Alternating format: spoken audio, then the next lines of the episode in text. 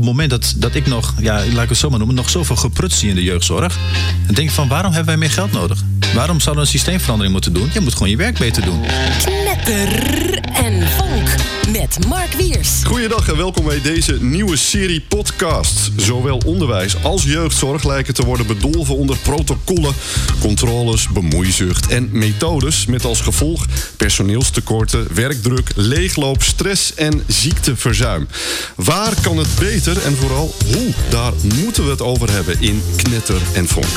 Verderop ook work-life design trainer Geert Hidding over wat er bij ons allemaal onderhuids kan zitten en toch heel bepalend kan zijn in onze levens. En pedagoog Sandra Russel over hoe de zorg voor onze kwetsbare jongeren zou moeten overgaan in een liefdevol duwtje richting een zelfstandig volwassen leven. Dan eerst naar de man naast mij. Hij heeft meer dan 10 jaar ervaring als crisisspecialist bij de Jeugdbescherming Gelderland. Is ambassadeur jeugd bij de beroepsvereniging van professionals in sociaal werk. Actief binnen de ondernemingsraad was hij en is naast blogger en publicist ook nog eens verdienstelijk fotograaf. Dat is toch eigenlijk allemaal bijzaak, want hij is vooral man van, nou hoop ik dat ik dat goed uitspreek, Anieke. En vader van vier kinderen, Jan-Pieter Meijer. Hartelijk welkom. Dankjewel. Eerst even aan jouw gezin, want dat, uh, dat noemde je al in een e-mail toen wij al contact hadden. Van dat is eigenlijk de hoofdzaak in mijn leven. Ja. Een mooi gezin, vier kinderen. Uh, uh, hoe voel jij je binnen dat gezin? Je bent vader, je bent opvoeder, je bent werkzaam in de jeugdzorg. hoe combineert dat zich binnen jouw leven? Ehm, nou, dat is hartstikke in ontwikkeling. Oké. dat heeft natuurlijk ook te maken met de levensfase en de leeftijden van de kinderen. Mijn oudste is nu voor het eerst naar het voortgezet onderwijs. Dus dat daar komt weer een hele nieuwe rol bij, zeg maar. Ja. Maar ik ontwikkel mij natuurlijk ook als, als man, als vader. En uh, af en toe is dat best, best heftig om te, te, te, merken dat ik ook tegen dingen thuis aanloop of mij ook wel gedraag. Terwijl ik uh, op een manier waar, ja, waar als ik uh, in mijn werk die mensen zo tegenkom, zeg maar, hè, dat ik daar ook wel eens van, iets van moet vinden, zeg maar. Hè, dus als het gaat over boosheid of over ehm, ja, echt begrijpen wat er in je kind omgaat, is dat soms heel makkelijk om te zien. Hè, is bij anderen en dat te analyseren. In een crisissituatie ook wel. Ja. En, en dan eigenlijk merk ik dat ook in mijn eigen gezin. En uh, ja, dat is best lastig. Ja, in de zin dat als je toekijkt en jezelf niet zeg maar in de emoties zit of uh, nou ja, de zelfkritiek misschien, dat het dan waarschijnlijk wat, wat makkelijker is. Wat ben je Ja. bijvoorbeeld tegengekomen uh, in jezelf uh, waarvan je denkt, oh, dat is een punt waar ik aan heb moeten werken? Ja, en nog steeds aan werk, dat is heel simpel. Ik denk dat het, waar ik het meest tegenaan loop is mijn eigen emotie. Oh, ja. Hè, dus dus de kinderen zien door de bril van mijn emotie. In plaats van hen beschouwen als, joh, dit gedrag komt daar vandaan. En ze hebben hier gewoon last van en dat komt daardoor.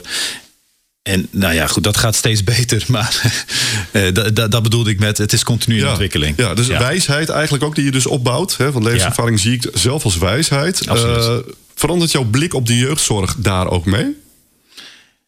Ja, want dat ben ik. Het gaat, ik ben het instrument. He, dus uh, de, de, dingen die je net opzonde zijn hele grote dingen. Wie gaat dat allemaal veranderen? En ja, in die zin ben ik er wel tot de conclusie gekomen dat begint bij mij. En bij mijn collega professional.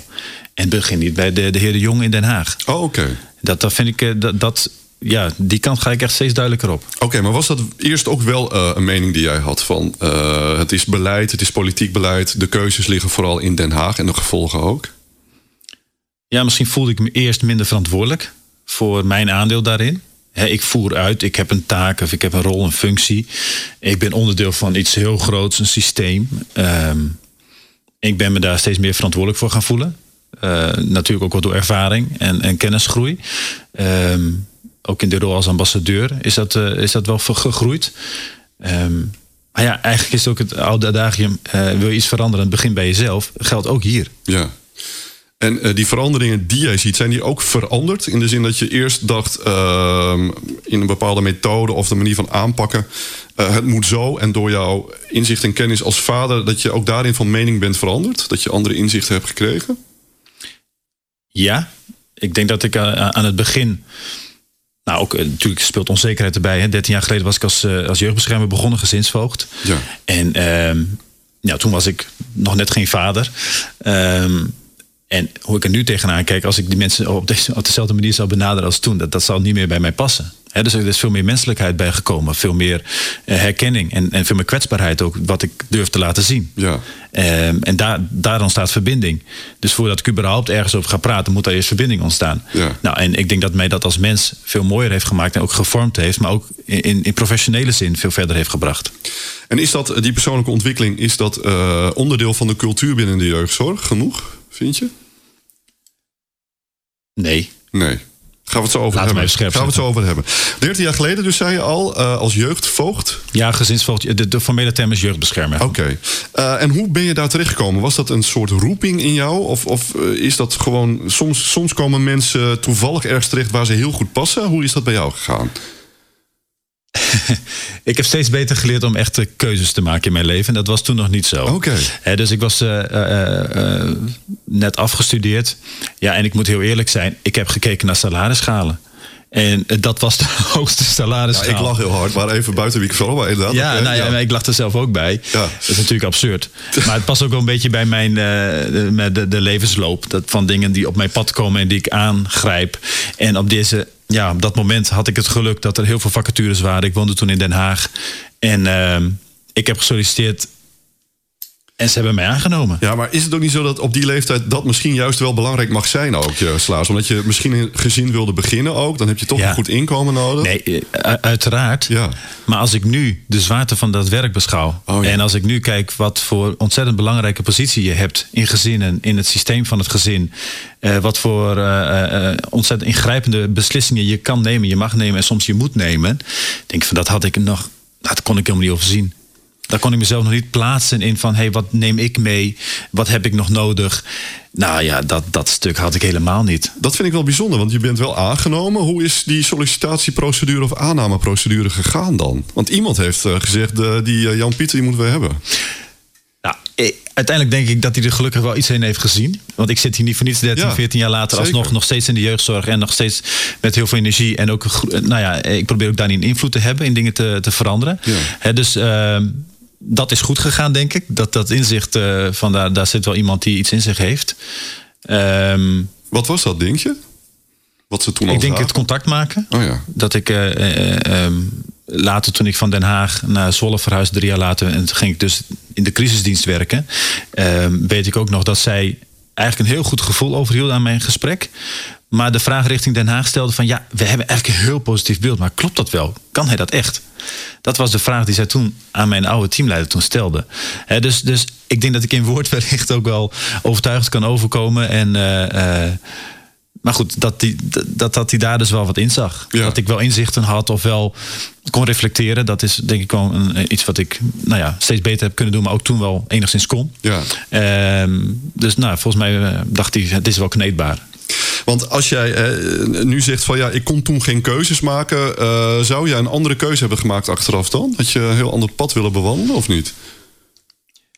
Nou, dat is wel interessant, want voordat ik de, toen de SPH ging doen, wat ook niet echt een keuze was, maar ik heb de jaar daarvoor heb ik de, ben ik de hogere Europese beroepopleiding gaan doen in Den Haag. Ik wilde vooral op kamers, ik wilde vooral weg uit Hardenberg. Ja, dat is ook een hele, Ja. hele belangrijke. Dus dat was eh, de belangrijkste Ja. motivatie eigenlijk bijna. En, en eh, ik spreek Portugees, ik ben wel goed met talen. Komen we zo nog even kort op terug, want dat is niet voor niets dat je Portugees Nee, spreekt. oh ja. ja. Ja. En, ehm, dus, en, en ik interesseer me voor politiek, cultuur, ja, eigenlijk alles wel. Ja. En dat was een vrij brede opleiding die vooral beleidsmakers ging vormen, zeg maar. Maar goed, dat wist ik veel wat toen beleidsmaker was. Ik dacht van, hey, talen, reizen, weg, dat vind ik fantastisch. Dus ik ga die opleiding doen en ik kan ook nog eens op kamers in Den Haag.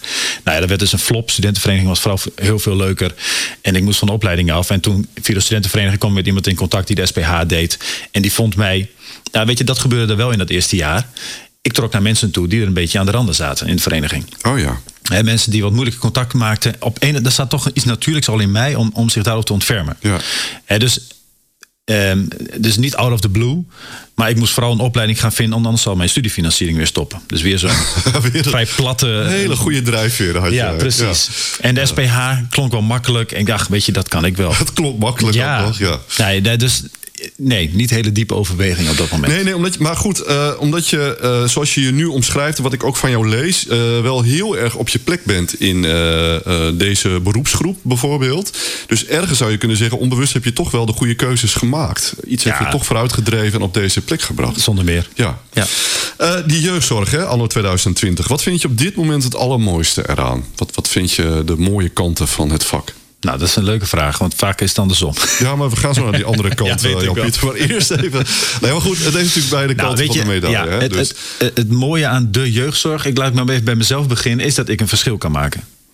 En dat ik als mens, een ander mens, het gevoel kan geven: je bent ontzettend waard om in te investeren. Om, eh, ja, eh, om het proberen beter te maken voor jou. Ja. En ik kom vaak in crisissituaties, dus ik ben niet lang betrokken bij mensen. Maar ik kan, ik, ja, ik kan wel een verschil maken daar. Eh, ik kan een crisis eraf halen. Ik kan mensen helpen eh, eh, het te overzien. Een nieuw perspectief creëren. Ja, dat, dat is fantastisch. En dat is gewoon mensenwerk. Ja. En ik moet mezelf natuurlijk ook bezig zien daar. Hè? En, en het is een heel reflectief vak. En ook daar geniet ik van. Ik leer elke keer weer bij namelijk. Hè, dus dat is in mijn, ja, in mijn persoonlijk eh, eh, stukje vind ik dat heel goed gaan en leuk. Ja. Ja. want als jij eh, een jongere, iemand die dus nog een jeugdige leeftijd heeft, onder jouw hoede krijgt, ehm, waar zoek je naar dan? Want je zei al, zelfs bij die studentenvereniging, je herkent al hè, mensen die een beetje aan de zijkant staan. Wat, wat is wat, je, wat jij intuïtief of op jouw manier eh, probeert te vinden, waar dan zeg maar ook die, dat kantelpunt eventueel kan zitten van je bent het waard om, eh, om je te ontwikkelen, om Ja. aandacht te krijgen enzovoort. Nou, ik, ik zal maar even met een concreet voorbeeld komen. Ik zat vorige week met drie hulpverleners die betrokken waren bij gezin. En daar waren zorgen over. Ouders waren uit elkaar. Ehm waren zorgen over hoe ouders ermee omgingen. En, en nou ja, ik ga er helemaal niet over uitweiden. Maar er was dat ook een meisje van 15 bij. Die woonde bij moeder en daar zou niet, ja, weinig toezicht op zijn. Ze zou s'nachts weg zijn. En ik ging daar zitten en ze hadden mij erbij gehaald. En eigenlijk hadden iedereen het plan, dit meisje moet eruit. Want het is onveilig, die is s'nachts op pad. En de ouders hebben geen grip op de situatie. En gaan er eigenlijk ook wel verkeerd mee om. Dus die drie hulpverleners zaten erbij, hadden mij erbij gehaald. En, en kijken mij ook gelijk aan van, joh, wil je het gesprek beginnen? En ik kom daar gewoon nieuw, hè. Ik, ik ken Helemaal niemand. Out of the blue kom je daar dus. Ja, en ehm, dus dat vond, vond ik lastig. Maar goed, ik pak meestal wel de regie hoor. Dat vind ik niet zo heel ingewikkeld. Maar jouw vraag hè, van hoe ga je dan daarmee om? Dat meisje van 15, die zat daar dus aan de tafel in de verte. Hè, want je moet anderhalf meter afstand houden. En die zat lekker op de mobiel, gewoon een beetje met haar ontbijtje bezig. Van ja, die heeft hier daar natuurlijk helemaal geen zin in. En, en wat je dan vaak ziet, is dat zeg maar, hulpverleners gaan beginnen gelijk met de zorgen. Hè. Het containerbegrip zorgen, het eh, eh, eh, wij maken ons zorgen met elkaar. Hè. Dus gelijk, maar het blijft heel algemeen. Hè, want ja, je bent s'nachts weg, dit en dat. Dus ik begon eigenlijk gelijk van, joh, ik, ben, eh, ja, ik werk in de crisisdienst. Ik ben specialist eigenlijk in het voorkomen vanuit huisplaatsingen. Want zij wilde allemaal dat ik dat ging doen. Dus ik denk, ik ga hem even stellig neerzetten. En ik zei tegen een meisje, ja, hey joh, wil je telefoon even wegleggen? Want we proberen met je te praten. En ik begrijp eigenlijk wel waarom jij wegloopt. Nou, haar blik veranderde helemaal. Ja. Dus dus eh, op dat moment voelde ik gewoon van... ik ga eerst verbinding maken met haar. Want we kunnen wel meegaan met de, met de stroom vanuit de hulpverlening... of vanuit ouders die vinden dat er heel veel met haar moet gebeuren. Maar joh, zo'n kind van 15 loopt echt niet zomaar weg. Nee. Daar zit iets achter. Ja. En iets, waarschijnlijk iets heel... Ja, ja hoe zeg je? Iets echts, iets, iets, iets noodzakelijks. Hè? Iets waarachtigs. Ja, Ja. Het, het is nodig. Ja. Misschien wel. En natuurlijk kan ze misschien niet overzien wat voor gevolgen dat heeft. Of wat voor risico's daarin neemt. Dat is punt 3, 4, 5. Hè, maar eerst maar eens contact maken, verbinding maken, haar begrijpen. En, en vanuit daar het stuk verder doen. Iedereen moet aan bod komen. Ja. Het begint wel met haar. Ja, zoals je zegt, eigenlijk, of zoals je omschrijft, eh, je luistert echt naar haar. En ik heb het gevoel en de indruk dat, zoals je het omschrijft, de anderen dat dus niet doen. Je hebt het over een probleem en dan moet gezorgd worden en oplossing. Eh, waarom is dat niet veel beter verankerd ook in eh, die andere partijen die betrokken zijn bij dit soort situaties? Ja, goede vraag. Ik, ik, het, ik zeg niet dat ze niet luisteren, hè, want er zat ook een coach van haar bij. Ehm, het is ook gewoon een beetje denken hoe het ingericht is. Het is soms te afstandelijk. Hè. We gaan er over praten. Ik maak echt heel vaak mee in interventies dat ik ergens kom waar mensen al een vooropgezet plan hebben. Op kantoor hebben bedacht. Hè, en dan daar ook nog eens body aan geven. Doordat ze dat met hun gedragsdeskundige of met nou ja, van alles en nog wat een collega hebben overlegd. Hè, alsof van nou, nu hebben we een goed verhaal. Ik denk van ja, maar heb je überhaupt al met deze mensen gesproken? Heb je in alle openheid misschien je twijfels en je zorgen aangegeven? Ja. Nou, die stappen worden. Ja, waarom? Weet ik niet. Eh, eh, dat is iets systemisch, dat is misschien hoe we met elkaar zijn ingericht. Ik denk ook dat het te maken heeft met alle eilandjes waarop ze zijn gaan werken. Dus dus de, de, ik weet niet of dat alleen door de verandering in de jeugdzorg komt hè, na 2015. Ik, ik, ik zie daar wel dingen in, maar ja, het is misschien iets cultuureigens. En ehm, hè, de, de, de, de term bijvoorbeeld professionele eh, nabijheid of professionele afstand, hè, wordt er eigenlijk vooral gezegd. Ik heb het liever dus over die nabijheid. Van hoe kun je mens zijn? Hoe kun je echt één op één contact gaan maken? Ja. En jouw professionaliteit zit hem in dat je dat continu aan het overzien bent. Dat jij eh, eh, je, je kan herkennen in de dingen die gezegd worden. Dat je weet welke kant je op wil. Maar wel vanuit die verbinding. Ja, maar je zegt ook dus professionele afstand is eh, ergens een term en ook blijkbaar gangbaar. Waar komt dat vandaan dan? Ja, goede vraag. Wij, zij, hè, wij de hulpverleners, zij de burger. Ja. Joh, ik ben ook af en toe klant en cliënt. Ehm, weet Ja, je, ja. ik ben ook vader. Ik heb ook mijn worstelingen thuis. Eh, ja, ik kan jou iets bieden met mijn kennis en ervaring. En eh, hè, dus in die zin misschien niet volledig gelijkwaardig in de situatie van een crisis. Maar wel gelijkwaardig als mens tot mens. Ja. En eh, dus, ja, weet je, dat is een stuk cultuur, is ook ongrijpbaar. En daarom vind ik ook zo belangrijk dat we niet vooral alleen over systemen gaan hebben. Alsof we dit op een of andere zeg maar, mathematische wijze uit kunnen rekenen van hoe het er beter uit moet kunnen zien. Ja. Nee, zo werkt dat niet. Het, Nee. het, het gaat om, om je professionaliteit, je, je hartsgesteldheid daarin. Ja. Hè? En, eh, en ook vooral de samenwerking. Daar was nog niet op gekomen, hè? maar dat ging ook over de veranderingen na 2015 vanuit die eilandjes. Maar even op 2015, hè, Ja. want eh, heel veel mensen die nu luisteren, die kennen deze eh, beroepsgroep heel goed, maar niet iedereen. Maar toen Nee. is dus eh, eigenlijk de financiering en de aansturing, de inkoop van jeugdzorg naar gemeenten overgegeven. En dat werd eigenlijk ook een beetje gezien als een bezuinigingsoperatie. Ja, Ja, volkomen. Ja, 15 precies. procent. Ja. Precies, vijf jaar geleden. Ja, Dus dat, dat, ja, dat heeft jeugdzorg ja, soms goed gedaan en soms niet goed gedaan. Ik zie het als een. Kijk, de jeugdzorg is een moloch, het is een groot schip. En dat, dat, dat laat je niet zomaar keren. En daar is toen iets veel te snel en veel te grondig, eh, eh, eh, grondig in die zin van groots gedaan. Ja. Eh, en dat kan niet. Je krijgt, je krijgt niet iedereen zomaar mee. En ehm, ik vind dat toch ook een minder interessante discussie. Hè? Ja. Hoe laakbaar ook. En hoe, hoe, eh, eh, ik, ik kijk veel liever naar. Maar wat heeft dat ons als professionals gebracht? Nou, precies, want dat zei je dus net ook. En dat die samenwerking, hè, want daar begon je net over. Ja. En, en toen refereerde je aan 2015. Wat is er toen wel veranderd wat niet goed is? Ik denk dat daar ons, er zijn ontzettend veel nieuwe rollen ontstaan. Hmm. En er zijn allemaal eh, poppetjes ingekomen. En eigenlijk zou je het kunnen vergelijken, bedenk ik me nu, met hoe ik ooit begonnen ben. Weet ik veel, ik kon het niet overzien. En dat was 2015 ook. Kwamen allemaal nieuwe functies. Er kwamen wijkteams, CG's. Hè. Ook alle gemeenten gingen het anders noemen, anders inrichten. Eh, allerlei verschillende inkoopmodellen. Allerlei, allerlei, het was echt een grote pop-up markt aan zelfstandig mensen die zelfstandig gingen, of kleine organisaties. En eh, zonder dat ik daar gelijk een oordeel over geef, het, het, wat er allemaal met elkaar gebeurde toen, was heel groot en heel erg veranderd. Dus iedereen kreeg nieuwe rollen, nieuwe, nieuwe functies. Nou ja, en, en, en die marktwerking. Hè? Dus je, je- er kwam ook nog een situatie waarin mensen eh, ja, dat, dat, eiland, die eilandwerking zeg maar, nog versterkte. Want we moeten vooral met onszelf bezig zijn. Nou, is dat de samenwerking te goede gekomen? Nee. Daar zit het er met name, denk ik. En, en, en daarin eh, hebben wij als onze jeugdprofessionals gewoon eigenlijk laten ketenen aan het systeem. We zijn veel te veel meegegaan met de veranderingen die van bovenaf werden opgelegd. Maar waar zit onze verantwoordelijkheid? En waarom hebben wij er niet zelf veel eerder gepolitiseerd? Ja, want eh, ik wil daar toch even één laag nog eh, dieper induiken. Je zegt van die, dat systeem heeft dus die samenwerking niet verbeterd. Je noemt dan marktwerking. Maar is het dan bijvoorbeeld zo dat je jezelf en met de mensen om je heen niet meer als collega ziet, maar als concurrentie? Is dat dan een van de dingen die speelt? Of wat zijn dan zeg maar de haarvaten die zijn veranderd in jullie systeem door die 2015 overgang? Nou ja, dat, dat, eh, dat laatste zeker. Als concurrent. Ik, sterker nog, ik voel het nu nog steeds. Niet dat ik dat heel erg voel. Omdat eh, ik werk vanuit de Jeugdbescherming Gelderland. Eh, daar vallen wij onder. En wij zijn een, een, ja, gecertificeerde instelling. Dus wij mogen jeugdbescherming, jeugdreclassering bieden. En dat is een, een wettelijke taak. Wij zijn in die zin redelijk beschermd. En dat kun je niet zomaar doen. Ook daarin zijn wel nieuwe organisaties eh, opgekomen. Ja. Hè, en misschien is dat ook wel goed, want dan, dat een beetje de kwaliteit, eh, eh, hè, dat je ook moet onderscheiden in kwaliteit. Dus maar in, in mijn branche dat- speelt dat niet heel erg. Maar bijvoorbeeld aanbieders van eh, zorgaanbieders, ja, die met name, die, die, die kunnen echt gaan concurreren. Ja. Ehm, dus, eh, wij zetten bijvoorbeeld vaak ambulante spoedhulp in. Nou goed, daar moet misschien niet helemaal over uitweiden, maar dat is een, vorm van hulp die ik snel en rechtstreeks kan inzetten.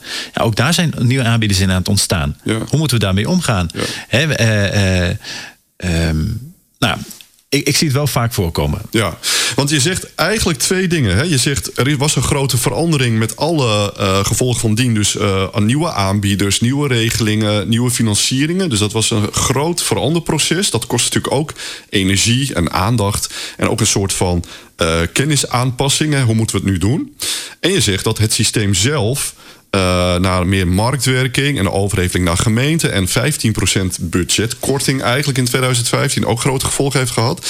Nu zie je eh, in de politiek ook weer van we moeten van die marktwerking weer af. Het moet weer meer solidair, het moet weer toch meer ook naar het Rijk, het moet weer meer eh, gedecentraliseerd worden. Dus er komt misschien weer een grote verandering aan. En dan vraag ik mezelf af.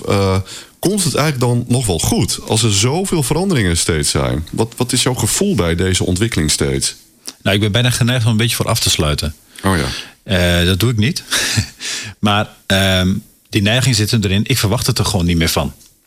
En het punt is dat wie is de aanjager van die verandering? Dat is eigenlijk continu weer die financiering, het Ja, geld. ja. En, en daar zit iets heel reëels in, hè, want de tarieven gingen, staan onder druk. Eh, dus organisaties zijn gekrompen, er zijn eh, allerlei bedden verdwenen, die nu allemaal hartstikke noodzakelijk zijn. Dus in die zin snap ik wel dat er verandering moet komen, dat er meer geld bij moet komen, want eh, we moeten ook gewoon nog steeds kunnen doen wat nodig is. Ja. Maar in dat doen wat nodig is, daar zit de aandacht die ik wel, eh, eh, waar ik wel aandacht aan wil geven. En dat zit hem namelijk in ons. In mij, de collega op het andere eilandje. En dat collega op dat derde eilandje, waar wij, wij moeten samenwerken. En wij zijn degene die dat eigenlijk veel meer moeten vormgeven. Dus niet van bovenaf gefinancierd. Van dat eilandje krijgt zoveel, dat eilandje zoveel. En succes ermee. Nee, eigenlijk moeten die eilandjes gaan samenwerken beter. En aangeven, dit hebben wij nodig om ons werk goed te kunnen doen. Ja. En dan zou me dan niks verbazen als dat nog veel goedkoper gaat worden ook. Want eh, eh, eigenlijk zeg je dus, ehm, maar dat is even wat, hoe ik het zie en hoe ik het even samenvat. Eh, het systeem, dat doe je niet zo heel veel aan. Dat is groot en dat is politiek en dat, ja, dat beweegt misschien ook met de maatschappij mee. Je kracht en je ontwikkeling zit juist heel erg op persoonlijk vlak, hoe je je daar ontwikkelt. Nou ja, weet je, ik kan dat ook niet overzien, hè, dat grote. Nee, ik ben geen politicus, ik ben geen. Hè, er zitten mensen met ontzettend veel verstand van, van contracten en dergelijke. Ja, weet ik veel hoe dat er Nee, precies maar je werkt. zei in het begin ook van hoe je daar zelf in staat. Dat je die ontwikkeling ook als een soort eh, eh, krachtig eh, instrument ziet om dingen beter te maken. Het kan wel, maar Ja. ik kan dat niet helemaal overzien. Ik vind alleen dat wij vanuit de, de, de vloer, zeg maar, de professionals, wij moeten iets beter doen. Ja. Hè, want daar begint het ook bij. En, en op het moment dat, dat ik nog, ja, laat ik het zo maar noemen, nog zoveel gepruts zie in de jeugdzorg, dan denk ik van waarom hebben wij meer geld nodig? Waarom zouden we een systeemverandering moeten doen? Je moet gewoon je werk beter doen. En dat wil ik niet in het voordelende blijven, maar ik wil dan daarin gaan helpen. Ja. Hoe kan ik jou beter helpen? En om in de situatie van het 15-jarige meisje eh, is, was uiteindelijk de uitkomst dat dat meisje wellicht echt beter af is ergens anders. Maar dat ga ik nou niet doen. Ga eerst maar een beter plan maken. Ik ga haar en haar ouders me meenemen in dat proces. Dus ik ga vandaag niet, geen besluitvorming doen over uit huisplaatsing, ja of nee. Nee, de enige besluitvorming is vandaag, we gaan een nieuw perspectief creëren. Maar dat gaat verder onderzocht worden en we gaan jullie daar volledig in meenemen. Dus dat was ook bij de hulpverleners echt wel even een, eh, een, verandering van, van blik. Zij zaten al helemaal in de, fo- in de modus van, ja, dit kan echt niet meer zo. De meisje moet eruit. En zo snel mogelijk, liefst. Ja, en Jan ja. Pieter, we hebben jou daarbij nodig. Nou ja, daar ging ik niet mee omdat ik vond dat dat, dat was nog helemaal niet ge- gehoor gegeven. Dat is op dat niveau is nog zoveel te veranderen. Ja. En waarom zou ik het van Den Haag verwachten? Nee, maar dat is precies wat ik bedoel dus. Ja. Hè? Dus dat je het zeg maar eh, in jezelf en met je collega's... Ja. dat je daar de verandering dus probeert Nee, in te zetten. ja. Omdat je eigenlijk te veel op afstand staat... en geen invloed hebt op en geen inzicht hebt in eh, dat grotere systeem... Politiek, eh, maatschappij en de stromingen die daar... En andersom. en andersom. Zij hebben geen zicht op wat er bij ons gebeurt. Nee, oké. Kijk, zij hebben zicht op de cijfers. Ja. En dan gaan ze roepen minder uit huisplaatsingen. of ze gaan roepen er moet meer dit of meer dat. Ja. En eh, ik heb het niet over verkeerde intenties van hen. Maar ik geloof echt dat de meeste van hen echt geen overzicht hebben. Of geen inzicht hebben in wat er precies gebeurt. En bovendien, eh, op basis van welke informatie moeten ze dat doen? Nogmaals, als ik zie hoe vaak er nog geprutst wordt in de jeugdzorg. Hoe vaak echt uit huisplaatsingen gebeuren die niet nodig zijn. Hoe vaak gedreigd wordt met uit huisplaatsing. Of hoe vaak mensen eh, eh, eh, ouders, kinderen niet goed meenemen in de communicatie, in het proces. Zijn heel vaak procesdingen waar je als jeugdzorgwerker echt moet zeggen: joh, kom op, waarom doe je dit werk? Je doet het toch vanuit je hart? Je, je, je wilt toch heel graag dat dat kind thuis kan blijven wonen? Als dat nou je grondhouding wordt, wat ga je dan doen? In plaats van, ja, maar mijn gedachteskundige denkt dat dit het beste is, die vorm van hulp. En als het niet lukt, gaan we. Ja, jongens, Ik zie ook het vuur in jou, dus dat is heel mooi. Hou dat vast. Uh, we gaan het straks hebben over dat gepruts. Ook even natuurlijk over waar jouw Portugese taalvaardigheid vandaan komt. Maar we gaan het eerst hebben over die persoonlijke ontwikkeling. En dan nu Geert Hidding over Work-Life Design. Want Geert Hidding is Work-Life Design trainer... en heeft het in zijn uh, werkzame leven alleen maar over die persoonlijke ontwikkeling... op allerlei manieren. En elke maand geeft hij hier in Knetter en Vonk een inzichtje in hoe hij dat allemaal doet. Geert, waar ga je het vandaag over hebben? Ja, Mark, ik wil het vandaag heel graag hebben over de ijsberg van ambitie. Maar voordat ik dat doe, heel even kort over work-life design. Want misschien is dat een term die je nog niet eerder hebt gehoord. Met work-life design hebben we het over werk- en levensambities waarmaken. En het woord design zegt het natuurlijk al. Het gaat om ontwerpgericht. Dus dat betekent dat we er niet eindeloos over gaan praten. Al zou ik dat heel graag willen en ook uh, waarschijnlijk kunnen. Uh, maar de kracht juist van het waarmaken van ambities is dat je in actie komt. Dus aan de slag gaan. En het mooie is dat als je dat gaat doen, je werk- en levensambities ontdekken en waarmaken, dan krijg je hoe dan ook op enig moment in dat proces te maken met de ijsberg van ambitie. En als we het hebben over een ijsberg, dan bedoel ik ook precies dat. Dus denk even aan een ijsberg op dit moment. Zie het voor je. Nou, hou dat beeld even vast. Heel goed. Oké. Check nu eens voor jezelf. Is het beeld van een ijsberg dat je hebt dat stukje dat boven het wateroppervlakte is? Waarschijnlijk wel. En dat is interessant. Want op het moment dat je kijkt naar een ijsberg, dan zie je waarschijnlijk alleen dat topje dat boven het water uitsteekt. Maar de grap is natuurlijk dat 90% van die ijsberg zich eigenlijk onder het wateroppervlakte begeeft. Die zien we helemaal niet. Tenminste, niet als je goed kijkt. En dat is precies wat er gebeurt als we werken aan ambities. Op het moment dat we het hebben over ambities, dan denken we en zien we vaak alleen dat stukje boven het wateroppervlakte.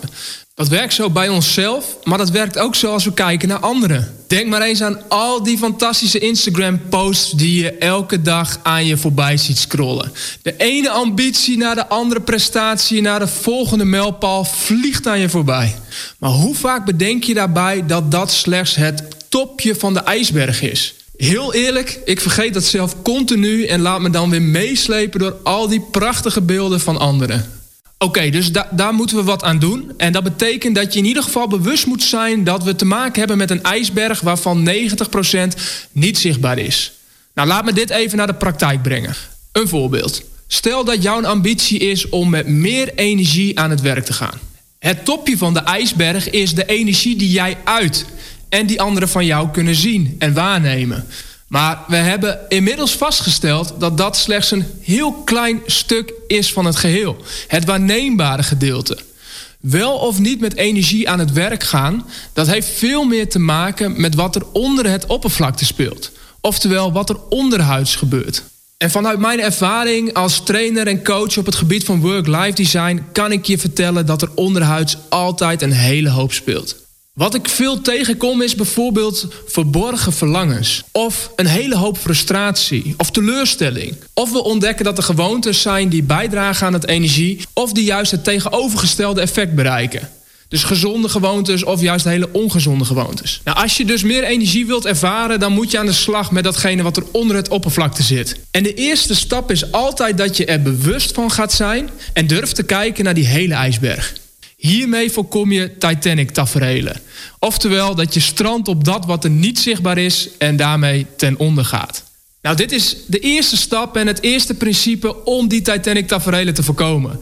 In deze serie ga ik je als soort van kapitein meenemen aan boord van dit work-life design en laat ik je vervolgstappen zien en andere principes die jou gaan helpen om jouw werk- en levensambities waar te maken. Dankjewel Geert Hidding hier in de studio Jan-Pieter Meijer, al 13 jaar werkzaam in de jeugdzorg. Je had het net uh, over uh, een beetje het gepruts, dus dat nu plaatsvindt. En hoe je daar ook op persoonlijk ontwikkelvlak misschien iets aan zou kunnen doen binnen jullie beroepsgroep, Jan-Pieter.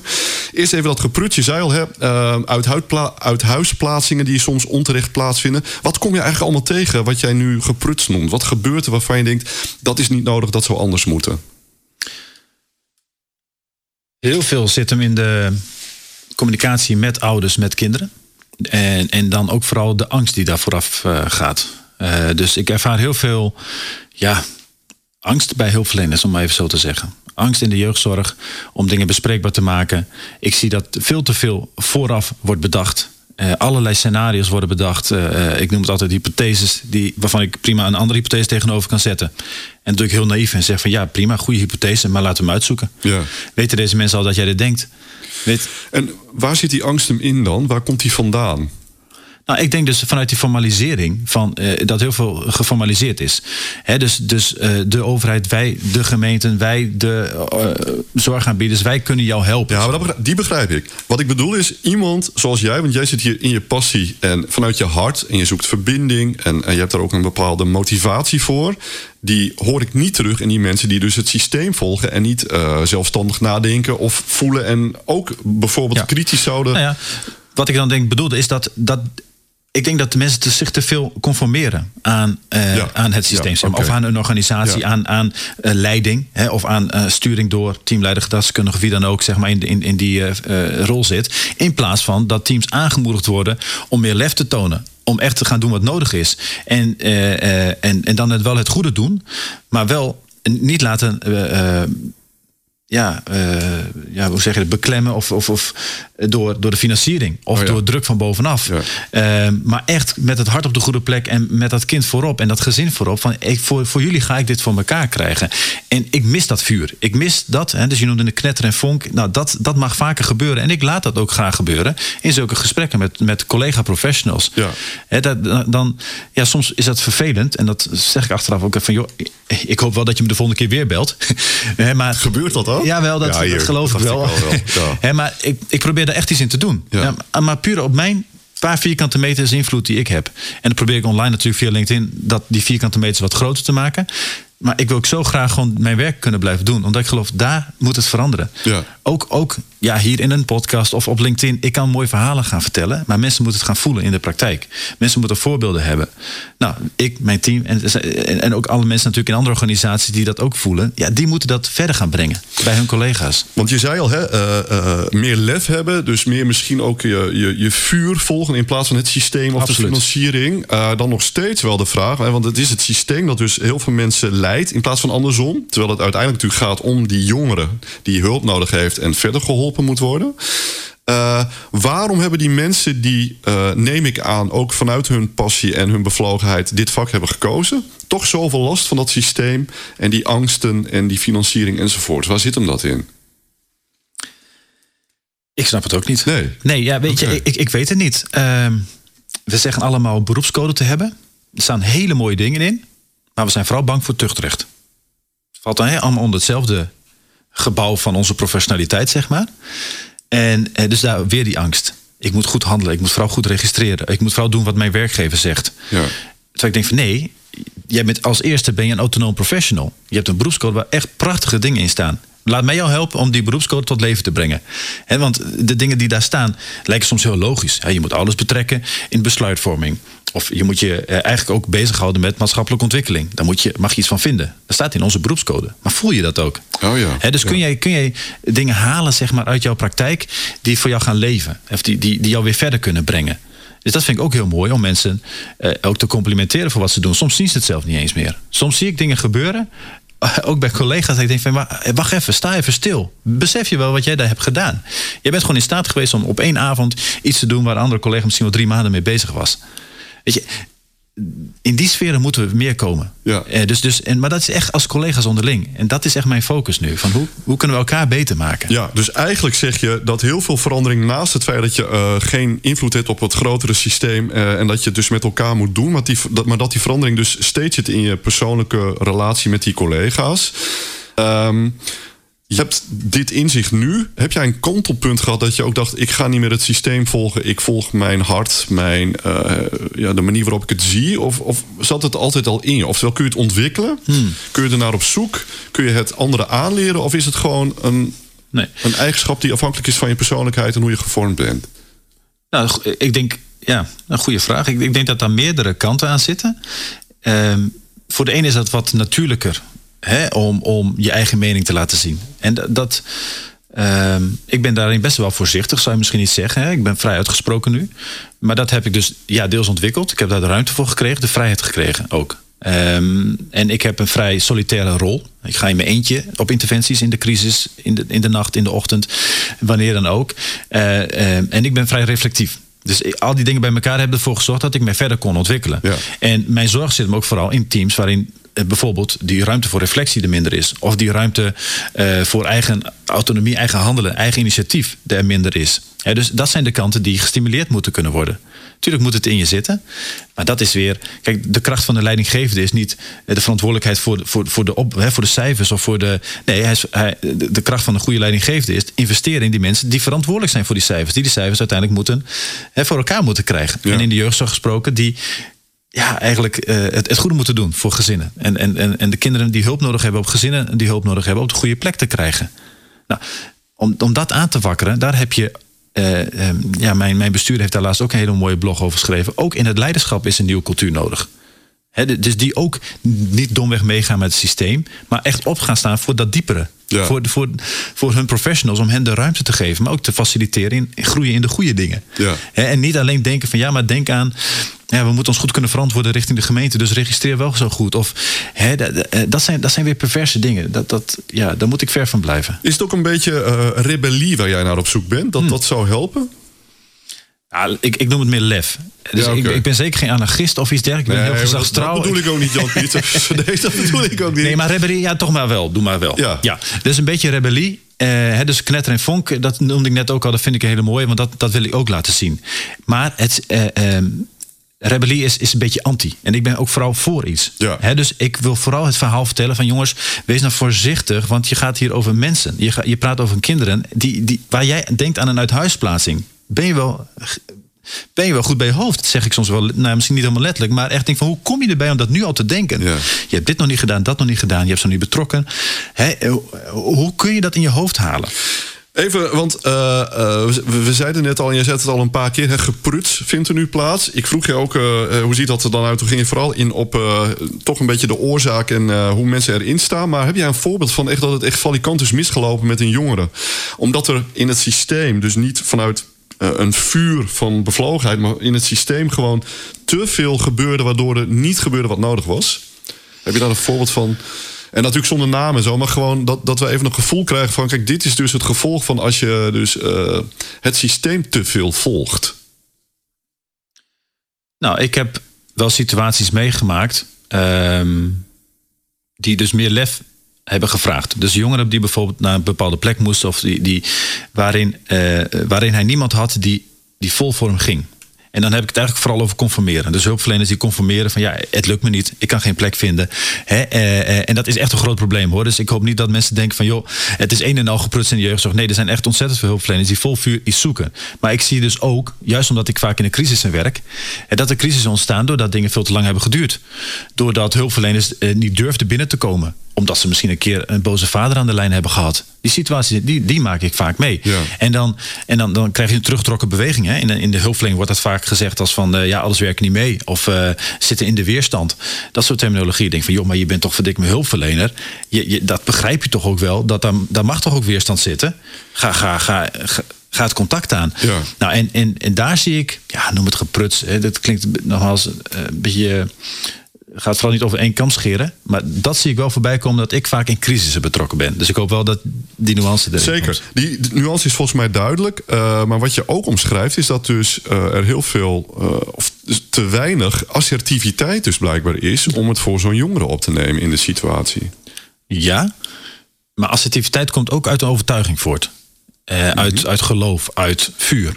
Hè? Dus, dus en dan, dan, dan weet je ook van ik mag dit gewoon maken. Je doet het voor het goede. Wij doen het voor het goede. Bij ons team heeft soms ook te maken met een burgemeester die zegt... en de- dit moet er gebeuren, de kinderen moeten daar weg. Die heeft hele andere belangen. Hè, die denkt aan, aan publiciteit misschien die er wel kan komen. Nou, en dat vraagt wel assertiviteit van je als, als, als hulpverlener. Dat je zegt van, eh, meneer of mevrouw burgemeester... u gaat daar niet over, daar ga ik over.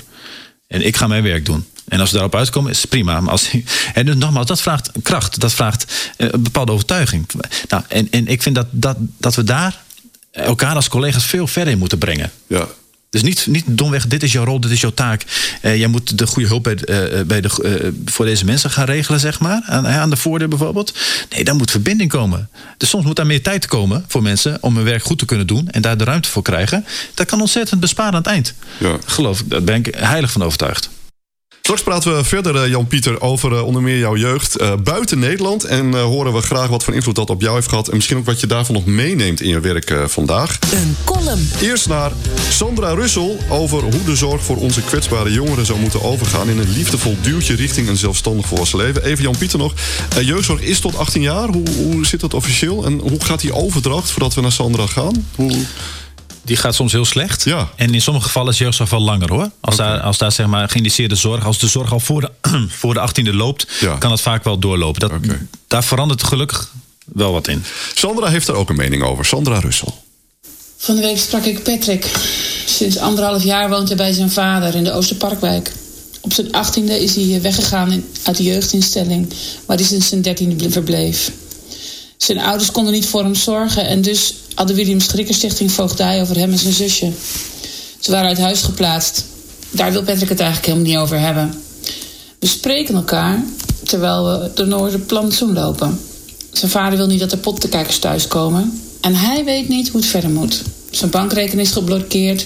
Telefoon doet het niet. Want dat kan hij niet betalen. En hulpverlening, nou, dat wil hij echt totaal niet. Via een kameraad heeft hij mijn nummer gekregen.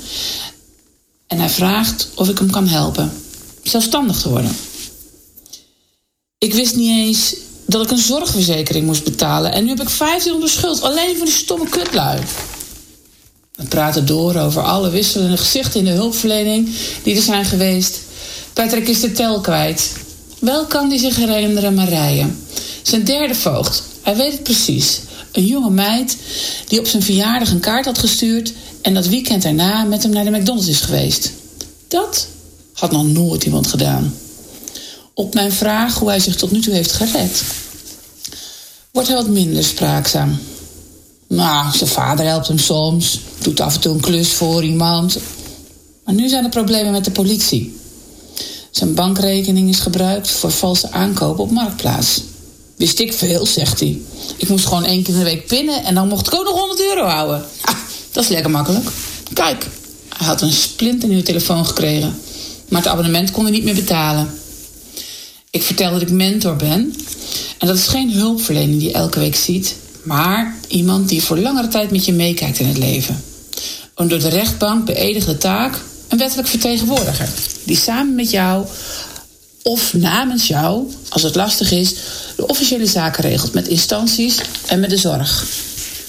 Om dat goed te kunnen doen, moeten we elkaar natuurlijk wel leren kennen. En ik bedoel ook echt. En als het kan, ook de mensen om je heen die belangrijk zijn voor jou. Het is mijn taak om jou te ondersteunen om zo goed als mogelijk je eigen leven te kunnen leven. Een soort voogd dus. Dan mag ik weer niks, zegt Patrick. Ja, vertel ik Patrick, een soort voogd, alleen nu ben volwassen. En zal de rechtbank mij elk jaar controleren of ik wel voldoende heb gedaan zoals jij dat graag wil. En zoals jij nodig hebt om zo zelfs mogelijk te zijn. Hij maakt zich nog het meeste zorgen over zijn geld. Nou, dat doe ik dan maar niet, zeg ik. Maar daar heb ik wel een collega voor die bewindvoerder is. Die doet alles rond je geld en helpt je bij je inkomsten en je schulden. Een beetje zoals ik op het gebied van zorg en persoonlijke dingen kan doen, doet zij voor op het geld. We zijn beëdigd door de rechtbank. Dus het is niet zomaar wat. Patrick is verre van overtuigd. Inmiddels zitten we op een bankje in de zon. Zijn wantrouwen is terecht. Er zijn al zoveel mensen langsgekomen. En ook in het leven van zijn vader. Ik leg uit dat ik zelfstandig werk en er dus niet tien anderen voorbij kunnen komen.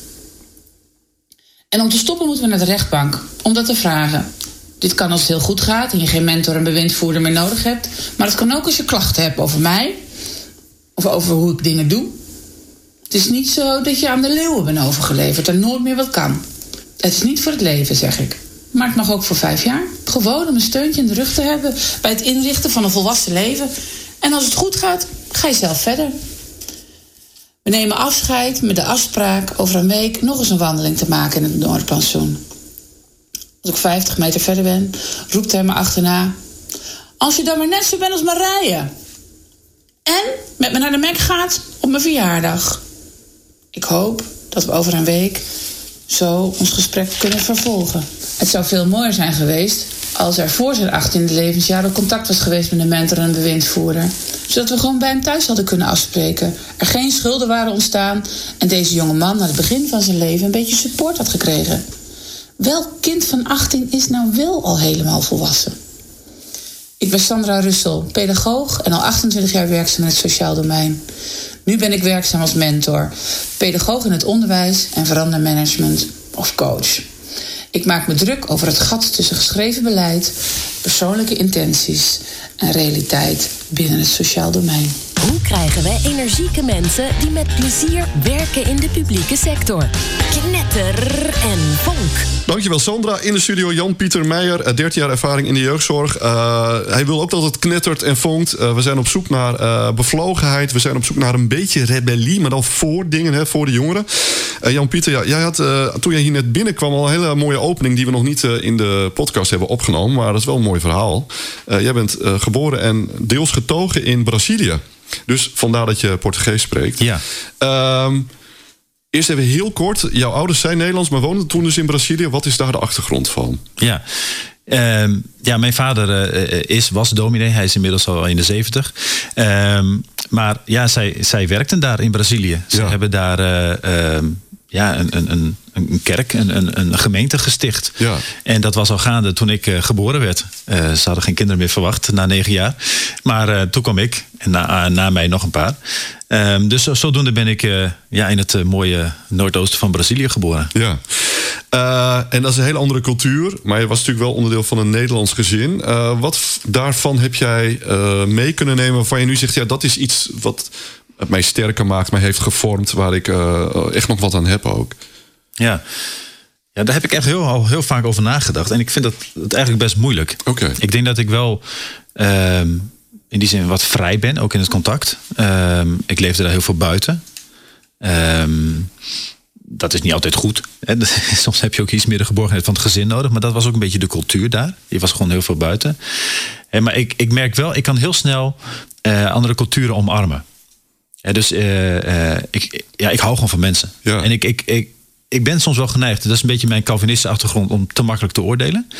Um, nou, daar ben ik echt fors mee aan het afrekenen. Maar is dat een Calvinistisch? Ja, nou ja, goed. Wel in ieder geval, dus, laat ik zo zeggen, de, de, de, de stroming waar ik uit voortkom, zeg maar, die was wel heel erg, laat ik zeggen, trots op zichzelf. Oh ja. ja. En, uh, en daarmee denk ik vooral heel angstig naar buiten. En dus alles wat anders was, nou ja, dus vandaar mijn term oordeel, ja, hè, ja. Uh, was vooral eng en anders. Maar goed, uh, nou, dus, dat, werkt, dat werkt wel in je door. Hè, ja, maar je hebt, twee, je hebt dus een tegenstrijdigheid eigenlijk verrijkt. Ja, maar weet je, het, het, het punt is, in Brazilië ervoer ik dat nog niet zo. Oké. Okay, Pas okay. in Nederland ja. ben ik dat veel meer gaan ervaren. Omdat zeg maar, het kerkelijke hier heel anders is. En, en veel, nog veel, nou ja, dat zullen heel veel mensen helemaal niet weten, maar ook nog best wel verzuild. Zeker zo'n twintig jaar geleden nog wel. Ja. En, en in Brazilië ja, is eigenlijk iedereen wel gelovig. Weet je, de, dus de sfeer, de cultuur daar rondom geloof is, is veel, ja, veel logischer, veel, veel um, ja, nabijer, zeg maar. Iedereen, iedereen Onderdeel kent van het het wel. dagelijks Ja, leven iedereen en- kent het ja, wel. ja. Ja. En hier is dat heel anders. En hier was dus overal moest een mening over gevormd worden, voor wat er ook gebeurde. Ook heel veel intern. Dus nou ja, goed. Maar laten we het vooral daar niet Nee, over hebben. Nee, nee, maar, dat wel, nee, maar het is wel interessant dat je dus, uh, omdat jij uh, nu rebellie benoemt, ik Ja. zie toch wel, uh, toch wel eigenlijk een connectie met dit onderdeel. Ja, ja. In de zin dat je dus Nee, ik snap- als je ik snap het wel. zelf leert kijken en zien. eh, Ja. Sommige mensen zeggen je kijkt met je ogen en ziet met je ziel. Dat je dus uh, toch dingen bent gaan zien. Nee, tuurlijk. En, en ehm, ik zit hier bijna in therapie, merk ik. Maar goed, dat, eh, dat doe je goed. Dat doe je goed. Nee, nee want daar, daar klopt. Er zit zeker een verband in, hoor. En eh, eh, ik moest ook zeker loskomen Ja. van heel veel dingen. Ja, ja. En, eh, ehm, de- en dat bevestigt maar weer. Je bent, je bent het eigen, je bent het instrument, ook in de hulpverlening. Ja. Dus je moet jezelf ook goed kennen. Het is ook goed om met jezelf bezig te gaan. En, en, en dat is soms ook angstig en ook spannend. Ja. Hè? En, en eh, dan is het veel makkelijker. En dan komt Jan-Pieter van toen hij 13 jaar geleden als gezinsvoogd weer begon. Ja, dan hou je alleen vast aan het, aan het formele. De instrumenten die ik heb, mijn formele macht, mijn formele rol. Nou, in dat proces heb- ben ik wel doorgegaan, waar ik veel meer dichter bij mezelf kon komen. En nu ben ik een veel betere hulpverlener. Ja. Eigenlijk vanuit mezelf. Tuurlijk is er kennis en ervaring aan toegevoegd. Maar dat eerste stuk, hè, mezelf mogen zijn. En met mijn stijl, met mijn woorden, met mijn keuzes daarin. Dus die ontwikkeling is er geweest. Dus ook van dat stuk, eh, eh, van, van die, veel van die veroordelingen, daar ben ik van losgekomen. Eh, maar goed, jouw eerste vraag, wat heb je ervan meegenomen? Is ook echt wel het genieten van andere culturen. En eh, natuurlijk komt er wel eens een, een, een, een iets binnen van. Ja, we, we moeten naar een, een Roma-gezin. Hè? Waarvan de kinderen op politiebureau zitten. Weet je, dat soort dingen. En natuurlijk ontstaat er ook in mijn hoofd een plaatje. Maar ik kan veel beter nu de bewuste keuze maken. Ik ga er gewoon blanco heen. Ik, Ja. ik, ik ga, en als ik daar aannames heb die klopt, ik spreek daar ook gewoon uit. Ik zeg van joh, misschien sta je 2-0 achter. Door de aannames die wij met elkaar hier Ja, hebben. ja. Hè, dus, ehm, maar ik geniet daarvan. Ook als ik op reis ben, eh, dan, dan ga ik gelijk van het land houden. Je hebt een opener blik eigenlijk. ook. Absoluut. Ja. Eh, even nog naar de situatie nu, hè? want eh, je hebt al heel veel dingen benoemd. Een van de gevolgen van die eh, overheveling naar eh, gemeenten van de inkoop en de financiering van die jeugdzorg is onder meer een flexibele schil die groter is geworden. Hè? Detachering speelt er onder meer een rol in. Vind je dat een, om toch even in die geloofstermen te blijven, vind je dat een zegen of een vloek?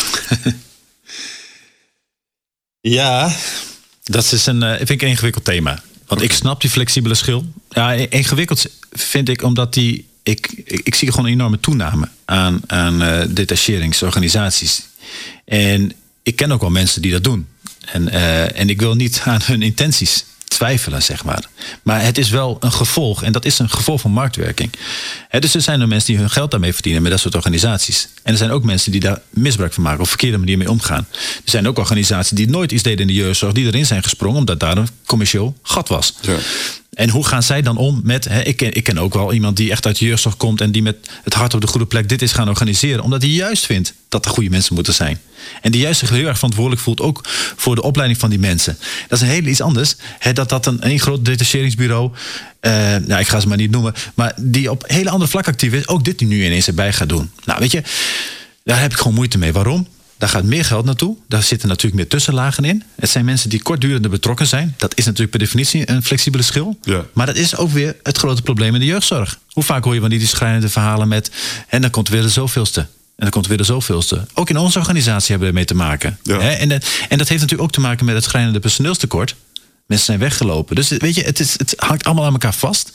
Maar jij vroeg mij naar mijn mening over die detacheringsbureaus. hè? zeker. Dus, Eh, maar dat, wij zijn on- onafhankelijk, hè? Dus, ja, nee, eh, ik snap het. Maar ja. daar, zit, daar zit dus ja, nuance in. Maar er zit, ja, ik vind er toch ook ergens wel weer een probleem in. Ja. En dat probleem ligt dus niet alleen bij die detacheringsbureaus. Maar hoe kan het dus zijn dat mensen zo graag bij hun or- organisaties of wat dan ook weg willen? Ja. Dat zegt ook iets. Ja. Mensen, eh, dus nogmaals weer terugkijken naar onszelf. Wij moeten ons vak zo aantrekkelijk maken dat mensen er willen blijven werken.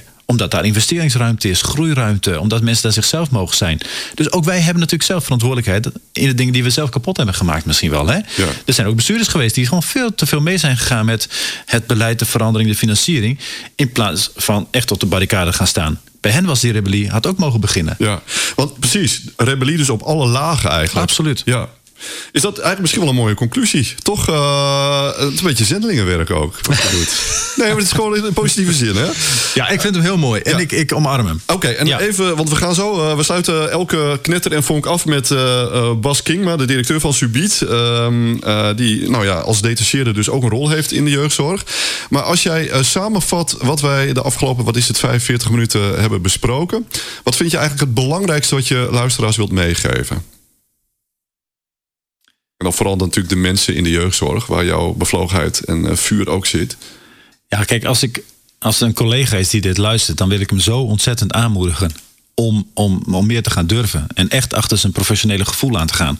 Zijn eigen gevoel, maar het moet altijd met een professioneel sausje zijn. Vanuit reflectie, vanuit ervaring. Hè? En, en, en ga alsjeblieft durven. En durf je niet, ga het alsjeblieft ergens aankaarten waar je wel veilig voelt. Bel mij bij wijze van spreken. Nee, maar de- dus ik, ik hoop echt dat aan te gaan moedigen. En als het gaat om luisteraars die, die zelf in de jeugdzorg zitten vanuit een oude rol of wat dan ook. En die, eh, die, die daar niet. eh, ja, die zich daar niet goed bij voelen, ga het alsjeblieft aankaarten. Ik heb wel eens gedacht van, ik zou wel misschien een eigen bedrijf oprichten, willen oprichten met eh, eh, een, een second opinion. Oh, Mensen moeten gewoon ja. bijna, wij spreken recht hebben op een second opinion. Als, het- als over hen wordt gezegd, en dat is een beetje gevaarlijk, hè, want ik zit zelf in de jeugdbescherming waar hele heftige keuzes worden gemaakt. Ja. Hè, maar zeker ook in de, in de vrijwillige zorg wordt heel vaak aangestuurd op een uithuisplaatsing. Ja, jongens, En, en dan sta je soms als ouder hè, tegenover het systeem. Nou, hoe, zou het, fijn zou het zijn als ouders ook een keer een second opinion kunnen doen? Dat is best, best kwetsbaar. Hè, dat een hulpverlener zegt van oké, ga maar bij een andere hulpverlener vragen. Nou, ik durf hem wel op te gooien. Mensen die eh, kunnen reageren. Ik vertel zo hoe je dat uh, het makkelijkste doet. Eerst... Bellen met Bas. Bas Kingma, of een beetje Baas Bas. Hè, daar bellen we aan het eind van elke knetter en vonk mee. Je hebt één minuut, Bas, en dan ben ik onverbiddelijk. Dan uh, breek ik je gewoon af. Wat vond je ervan? Nou, de kop is eraf. Wat een, uh, wat, wat een gave eerste gast. Het is uh, wat mij betreft wel echt precies waar deze podcast voor bedoeld is. Iemand die zich vrij voelt en vrij uit durft te spreken over zijn, zijn beroepsgroep. Ja, en daarin wat mij betreft echt hele rake, rake dingen zegt. Zijn, uh, zijn visie op uh, verbeter de wereld, uh, begin bij jezelf. Ja, dat, dat, dat, is natuurlijk waar wij in onze coaching ook heel veel aandacht aan besteden en echt in geloven. Het is heel makkelijk in zijn geval om ook naar Den Haag te wijzen of naar de organisatie waar hij werkt. Maar dat doet hij niet. Hij zoekt het echt heel erg bij zichzelf. Ja, dat is natuurlijk dat is de essentie van persoonlijk leiderschap.